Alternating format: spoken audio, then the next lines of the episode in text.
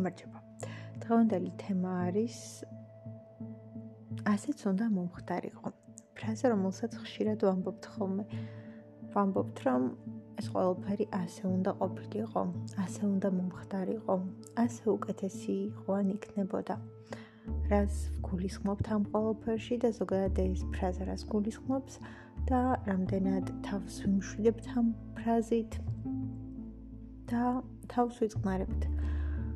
ხანდახან როდესაც რაღაც არ გამოდის, ან არ გამოგვდის და შემდეგ როდესაც ვამბობთ, რომ ასეც უნდა მომხდარიყო, ერთი მხრივ თავს ვიმშვიდებთ და თავს ვიმშვიდებთ, რომ ა მეტად აღარ ვიდარდოთ და ვინერვიულოთ იმ ყველაფერზე, რაც არ გამოვიდა და რეალურად შეიძლება რომ მართლაც ძალიან ცუდ რაღაცებს ცუდ ამბებს ავწდით და ცუდ მოვლენებს ჩვენ ცხოვრებაში, რასაც შეიძლება რომ გადავყროდით და რაც შეიძლება რომ შეგმთხეოდა. მაგრამ მეორე კუთხით არის თავის დამშვიდება, იმიტომ რომ ხო მეტად აღარ ვიდარდოთ, არ ვინერვიულოთ. და რეალურად მართლაც ასე უნდა მომხდარიყო თუ არა. შეიძლება უბრალოდ თავიდან ვიცილებთ იმ პასუხისმგებლობას, რომ ამ ჩვენ არაფერში არ ვართ დამნაშავე, რომ რეალურად რაღაც რომ არ გამოვიდა.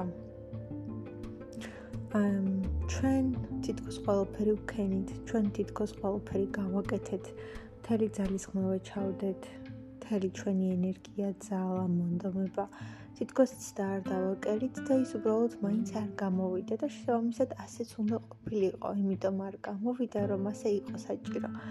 მაგრამ ხო, ამით პასუხისმგებლობას თავიდან ვირიდებთ, იმიტომ რომ ჩვენ აღარ ვართ დამნაშავეები, ჩვენ არაფერში არ ვართ დამნაშავე, ჩვენ მართლები ვართ, ცდა არ დაგვიკლია, მონდომება არ დაგვიკლია და შესაბამისად უბრალოდ არ გამოვიდა.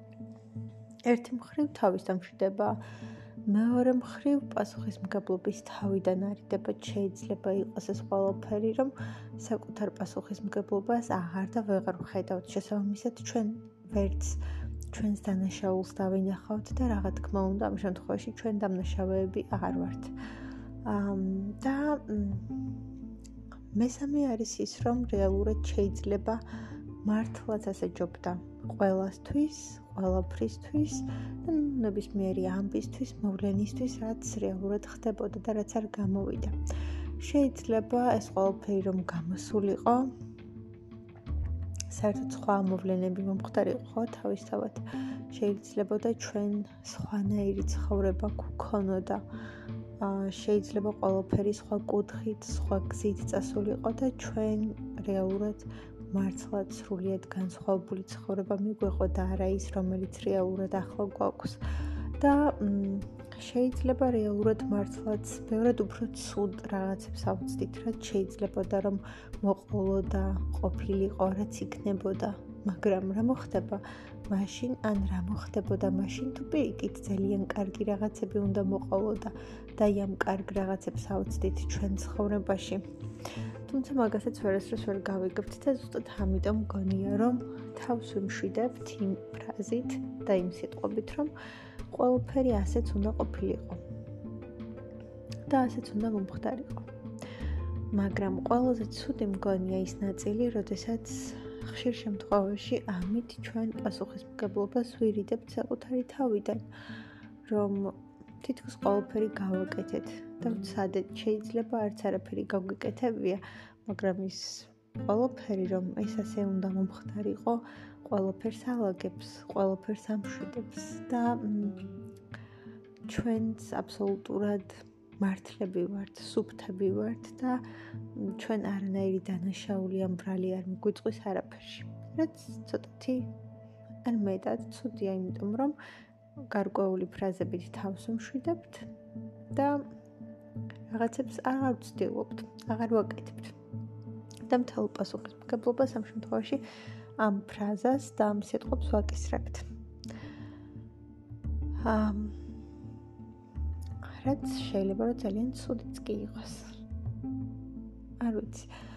მაგრამ რეალურად ყველაზე უცნაური არის ის, რომ ის რაც შეიძლებოდა რომ ავიცილეთ თავიდან ან ის რაც აღარ მოხდა აი რა და როგორ იქნებოდა მაგას ჩვენ ვერასდროს ვერ გავიგებთ ჩვენ მხოლოდ ვიცით ერთი გზა რეალურად რასაც გავდივართ რაც უკვე გამოვიარეთ და რაც უკვე მოხდა. აი რა მოხდებოდა ყველაფერი რო სხვანაირად ყოფილიყო. ან ყველაფერი რო გამოგსულოდა, ან ყველაფერი ის რომ მომხდარიყო, რასაც კი გვითქვამს ჩვენ ცხოვრებაში, რომ ასეც უნდა ყოფილიყო, ასე იყო საჭირო, ღმერთის ნება იყო, ასე უნდა მომხდარიყო და ნუ მოკლედ მთელი თავისი ვარიაციებით ეს ფრაზა ყველაფერი ის რომ რეალურად მომხდარიყო და ჩვენ ეს ფრაზა აღარ გთქვა, აი როგორ როგორ წარიმართებოდა ყველაფერი, როგორი იქნებოდა ჩვენი ცხოვრება, რა მოხდებოდა. და მე მე მოგვეწონებოდა თუ არა ჩვენი თავი, ამას ვარასოდეს ვერ გავიგებთ და ყველაზე უცნაური და შეიძლება საინტერესო ეს არის. რეალურად მგონია რომ ხშირად რაც ხდება და რაც არ გამოდის, მართლაც ასე უნდა იყოს. ყოველ შემთხვევაში შეიძლება ადამიანი თავს იჯერებს და თავს ირწმუნებს და ამით მართლა თავს უმშვიდობთ, მაგრამ მგონია რომ რაც არ გამოდის, ალბათ არც უნდა გამოვიდეს და ზუსტად იმიტომ არ გამოდის. ზოგჯერ მართლა ძალიან დიდი ძალის ხმევას ვდებთ. თელ ჩვენს ენერგიას, ყველაფერს ვაკეთებთ, მაგრამ ცდელობას არ ვაკლებთ. შეიძლება 100 ჯერ ვცადეთ, მაგრამ მაინც არ გამოვიდა. და ალბათ ეს ის არის, რაც მართლა არ უნდა გამოვიდეს. და შეიძლება ეს ის არის, რაც მართლა არ არის ჩვენთვის და ჩვენი ცხოვრებისთვის საჭირო. უბრალოდ ჩვენ ამას ვერ ვიაზრებთ. ნუ ჩვენ გვინდა ჯიუტად, გვინდა და ვცდილობთ, მაგრამ მაინც არ გამოდის. შეიძლება მართლა არ არის ჩვენთვის საჭირო. და მე ყოველ შემთხვევაში მჯერა იმის, რომ ალბათ არც უნდა მომხდარიყო, არც უნდა გამოსულიყო, იმიტომ რომ შეიძლება შემდეგ ჯერზე ან გარკვეული პერიოდის მერე ბევრად უკეთესი რაღაცები მოხდეს და ბევრად უკეთესი ამბები გამოვიდეს, ბევრად უკეთეს რაღაცებს მივახციოთ და მივიღოთ ცხოვრებაში შესაბამისად ის რაც არ გამოვიდა და ის რაც არ გამოგვივიდა, ამაზე ალბათ აღარ უნდა ვიდარდოთ და ვინერვიულოთ. მაგრამ, მაგრამ ხო საინტერესო არის მაინც ის რა მოხდებოდა რომ აი რო გამოსულიყო მაშინ რა იქნებოდა. რასაც ნუ ვერ გავიგებთ. ერთადერთი რაც ვიცით არის ის რაც უკვე გავიარეთ რაც ფაქტების დონეზე არის ჩვენთვის ცნობილი. და აა საინტერესო არის კიდევ ის რომ როდესაც ჩვენ ამ ფრაზას ვამბობთ ყოველთვის მოვიაზრებთ, რომ ცუდ სავწდით. და ნუ რატომღაც ასე მოიაზრება. მაგრამ იმას თუ დავუშვებთ, რომ ამით კარგ სავწდით, რა თქმა უნდა, აქაც სადარდებელს ვიშორებთ, იმიტომ რომ თუ ჩვენ მხოლოდ იმაზე ვიფიქრებთ, რამდენ კარგ ამბავს ავწდით და რამდენი კარგი ამბავი გამოვტოვეთ, იმით რომ ეს ერთი რაღაც არ გამოვიდა, რასაც ძალიან ბევრი კარგი რაღაც უნდა მოყოლოდა და მოეტანა, მაშინ ჩვენ კიდევ უფრო მეტად ვიდარდებთ. ამიტომ ის უფრო მარტივია ვიფიქროთ, რომ ამით ყველაფერი ცუდ ავწდით და კარგი გველოდება ამის შემდეგ. და ამის შემდეგ დამიერიდან დააცი, მხოლოდ კარგი ამბები იქნება ჩვენს ცხოვრებაში და რადგან ეს ვერ გამოვიდეს, სხვა რაღაცები გამოვა, რაც უკეთესი იქნება, ბევრად კარგი იქნება, რაც წინსვლას მოგვიტანს, წარმატებას მოგვიტანს, სიკეთეს მოგვიტანს და რაც გამოვა. და ჩვენთვის კარგი იქნება, სასიკეთო იქნება და რაც ჩვენთვის და ჩვენი ცხოვრებისთვის რეალურად სასიკეთო იქნება და ბედნიერების მომტანიც. მაგრამ იმაზე ხომ არ ვფიქრობთ ხოლმე რომ ეხლა მე რომ ეს არ გამომივიდა იქნებ რამდენ კარგ რაღაცას ავწდი იქნებ რამდენი კარგი რაღაც გამოვტოვე თუმცა ისიც ვიცი რომ როდესაც რაღაც არ უნდა გამოვიდეს ჩემი გამოცდილები და ყოველ შემთხვევაში ასია როდესაც რაღაც არ უნდა გამოვიდეს ან არ გამოდის მაშინ ყველაფერი ისე მიეწყობა ხოლმე. საერთოდ ყველა მოვლენა ისე მიეწყობა ერთმანეთს. იმდენი რაღაც მოხდება თანამდევი იმ პერიოდში, რომ ყველაფერი ხელს უშლის ან მიშლის, რომ რაღაცა კონკრეტული გამომივიდეს და ხშირად ვფიქრობ ხოლმე და ვთვლი, რომ უბრალოდ ეს ყველაფერი არის მინიშნებები, სიმბოლოები, რაღაც ნიშნები, რომ აი არ უნდა გავაკეთო, არ უნდა გამომივიდეს და შესაბამისად სამყარო თუ, რა ვიცი, უმაღლესი ძალები, რა ვიცი, რაც შეიძლება რომ ითქვას, ყველაფერი მიმანიშნებს და რაღაცნაირად ხელს მიშლის. და ყველაფრით მეუბნება, რომ არა, და ყველაფერს ასე ვთქვათ გამომიჩენს და ასე ვთქვათ მაჩეჩებს, რომ ყველაფერზე გადავერთო და ამაზე აღარ ვიყო ასე ვთქვათ კონცენტრირებული, ორიენტირებული და ოღონდ ამაზე აღარ ვიფიქრო ასე ვთქვათ და ყველანაირად სხვა თემებზე გადამრთავს ხოლმე მინდა თუ არ მინდა. და შესაბამისად შეიძლება ესეც მინიშნება. და მინიშნება იმისი რომ ეს არ უნდა გამოვიდეს შენთვის ყოველ შემთხვევაში არ არის საჭირო და შენთვის არ არის კარგი. ნუ ეს არ არის კარგი ცოტა ისეთი ნათქვამია შეიძლება. მოკლედ არ ვიცით, ჩვენ ყოველთვის ესე ვფიქრობთ, რომ კარგი არ არის და კარგი არ იქნება და იმიტომ აქცდა, თორემ კარგი რო ყოფილიყო, აუცილებლად გამოვიდა და აქაც არის რაღაც ლოგიკა. ადამიანი ნუ გარდა იმისა, რომ ამ ფრაზით თავს იმშვიდებს, რომ ეს შენთვის ახლა კარგი არ არის და მარტო იმიტომ არ გამოგდის. ამის გარდა არის ისიც, რომ ხო ალბათ არ არის მართლა კარგი. და იმიტომ არ გამოდის თორე კარგი რო იყოს რატო არ გამოგივიდო და გჯერა და გწამს იმის რომ უმაღლესი ძალები შენ გიცავს და გიფარავს იმისგან რომ ცუდი აგაცილოს და ცუდი მოგარიდოს და თუ რაიმე კარგი იქნება ამ ქვეყნად და ამ სამყაროში შენთვის აუცილებლად გამოიმეტებს და მოგცემს. შესაბამისად შენ არიცი და შენ არიცოდი რომ მომავალში ეს რაღაცა შენთვის იქნებოდა ცუდი, მაგრამ სამყარომ არ მოგცა. შენ ეცადე, შენ ძალიან ბევრს ცდილობდი, მაგრამ საბოლოოდ მაინც არ გამოვიდა და ამით შენ ძალიან ბევრ ცუდ ამბავს და ცუდ მოვლენას აცდი შენ ცხოვრებაში და იმ ნეგატივს, რაც შეიძლებოდა რომ მოყოლოდა ამ ყველაფერს. და ხშირად, ხშირად და ძალიან ხშირად მეც ასე ვარ. მეც ასე ვფიქრობ ხოლმე, როდესაც რაღაც არ გამომდის. არ ვიცი, შეიძლება მეც თავს ვიმშვიდებ. არ ვიცი. მაგრამ ხო, ასე ვფიქრობ ხოლმე, რომ ეხლა ეს ყველაფერი რო არ გამოვიდა, ესე იგი ასეც უნდა ყოფილიყო. და ამ ფრაზით რაღაცნაირად იმ დარცაც ვიცილებთ თავიდან, რომელთაც შეიძლება ჩვენ ვიდარდოთ და გავატაროთ თვეები ნერვიულობაში, დარჩი, იმაზე ფიქრში. და შესაბამისად, რადგან ამ დარდს თავიდან ვიშორებთ, მთელ ჩვენ ძალას, ენერგიას და мотиваციას მერე უკვე სხვა საკითხებზე და სხვა საქმეებზე მივმართავთ და თავისთავად იმ ენერგიას უკვე სხვა საქმის ან სხვა რაღაცის წამოწყებაში ვდებთ. რაც შეიძლება და რა უბრალოდ ნერვიულობაში და დარდში გაგვიფლანგა და დაგვეკარგა.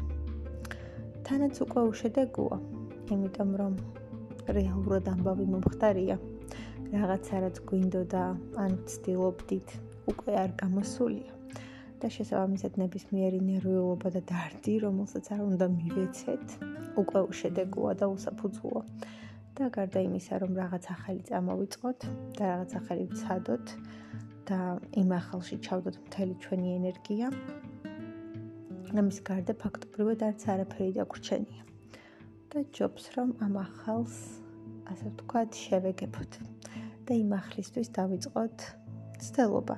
და თანაც ხანდახან მართლაც შეიძლება თავს ვიმშვიდებ, ვიმშვიდებ მე პირადად, მაგრამ მჯერა იმის და მგონია რომ ხელი რომ ეშლება ხოლმე. აი რაღაც რაღაც რომ მინდა მოკლედ რომ გამოვიდეს და ძალიან ვცდილობ და ვაკეთებ და არ გამოდის. ძირთად ხელი მეშლება არა მხოლოდ ერთი მიზეზით, აი რაღაც სხვადასხვა თემები, საკითხები, მიზეზები, ამბები და ისტორიები ჩნდებიან, რომლებიც მიშლიან ხელს და ეს არ არის მხოლოდ ერთი, არის რამოდენიმე. და ბევრი. და მგონია რომ აი ესე უბრალოდ დაარსაიდან საერთოდ არაფრის გამო ამდენი რამ არ გამოჩნდებოდა ერთიანად, არ წამოიჭრებოდა და წინ არ წამოიწეოდა. და არ გადამეღობებოდა წინ და ხელს არ შემიშლიდა თუ ეს ამბავი რეალურად უნდა გამოსულიყო თუ ეს ამბავი ძალიან მჭირდებოდა მე და ჩემს ცხოვრებას თუ ჩემთვის და ჩემი მომავლისთვის ეს ყველაფერი კარგი და სასიკეთო იქნებოდა და მგონია რომ ხელი არ შემეშლებოდა. და მგონია რომ პირიქით ყველანაირად ისე მიეწყობოდა ამბები და მოვლენები რომ უნდა გამოსულიყო და გამოსულოდა. და ну პირიქით ხდება ხოლმე მაშინ, როდესაც ჩვენ რაღაც ამბავი და ისტორია უნდა გამოგვივიდეს. პირიქით ხდება ყოველთვის, როცა რაღაცა უნდა გამოგვივიდეს, ყველაფერი ისე მიეწყობა ხოლმე თუ დავაკვირდებით, ალბათ თქვენთანაც ეგრეა, არ ვიცი. ყველაფერი გამოდის. ყველაფერი პოზიტიურად ეწყობა. თითქოს აი ეს ერთი მეორის მიყოლებით ზოგი რას ეძახის, ზოგი რა, ზოგი გამართლებას ეძახის, ზოგი იღბალს ეძახის, ზოგი წარმატებას ეძახის, მაგრამ ყველაფერი ისე ეწყობა, რომ ერთი მეორის მიყოლებით ყველა ამბავი გამოდის. და ჯაჭურად გადაებმება და შესაბამისად ის რაღაცა რაც გვინდა და რას რისკერაც მოვდივართ და საითაც მოვდივართ ისიც გამოდის. და შესაბამისად ყველაფერი კარგად კარგად გვარდება და კარგად მიდის. და ნუ მოკლედ ყველაფერი გამოდის და კარგად დაგვირგვინდება ხოლმე და ჩვენც ბედნიერები და კმაყოფილები ვართ და რაღაცეა დასტურს ხედავთ სამყაროსგან. სამყაროსგან და უმაღლესი ძალებისგან, რომ ეს ნამდვილად უნდა გამოგხსოვდა. იმიტომ რომ ეს ჩვენი იყო, ან ჩვენთვის იყო, ან ჩვენთვის და ჩვენი ცხოვრებისთვის იყო საჭირო და ზუსტად იმიტომ მოხდა ყველაფერი ასე. და ძალიან საინტერესოა. უცბად დავფიქრდი, რამდენი დიდი მნიშვნელობა აქვს და რა დატვირთვა აქ ამ ფრაზას, რამდენი რამ იმალება მის მიღმა, კარგიც და ცუდიც. რაღაც ნაწილები არის, რაც ჩვენთვის კარგი არის, პოზიტიურად ფიქრში გვეხმარება, ნეგატივს რო გავეცალოთ, იმაში გვეხმარება, ახალ რაღაცებზე რომ გადავერთოთ და ყურები რო არ ჩამოვყაროთ, ასე ვთქვათ, მაგაში ძალიან გვეხმარება, მაგრამ ასევე არის მეორე კუთხით თავის დამშვიდება და რაღაც გარკვეული პასუხისმგებლობების თავიდან არიდება. ნუ ვისთვის როგორ იქნება, ალბათ ამასაც გააჩნია. მოკლედ, სულ ეს იყო დღევანდელი თემა. და რაც უფრო მეტი და წარმატებული ამბავი იქნება ჩვენს ცხოვრებაში, უკეთესი იქნება. თქვენ კი თუ გენდაობთ რომ თქვენი შთაბეჭდილებები, ემოციები და შეხედულებები გამიზიაროთ და მითხრათ, რა მოგწონთ, ან რა არ მოგწონთ, ან რა არ თქვენთვის მისაღები, ან ჩემს თემებში რა მოგწონებიათ, ან რა მოგწონთ, მოკლედ ეს შთაბეჭდილებები შეგიძლიათ რომ გამიზიაროთ. და საინტერესო იქნება. მოკლედ ბედნიერად, წარმატებულად და გისურვებთ რომ ყველა ამბავი, რაც გულით გინდათ, ყველაფერი, ყველაფერი გამოგხსოვდეთ და ყველაფერი წარმატებული ყოფილიყოს თქვენთვის. Thank you.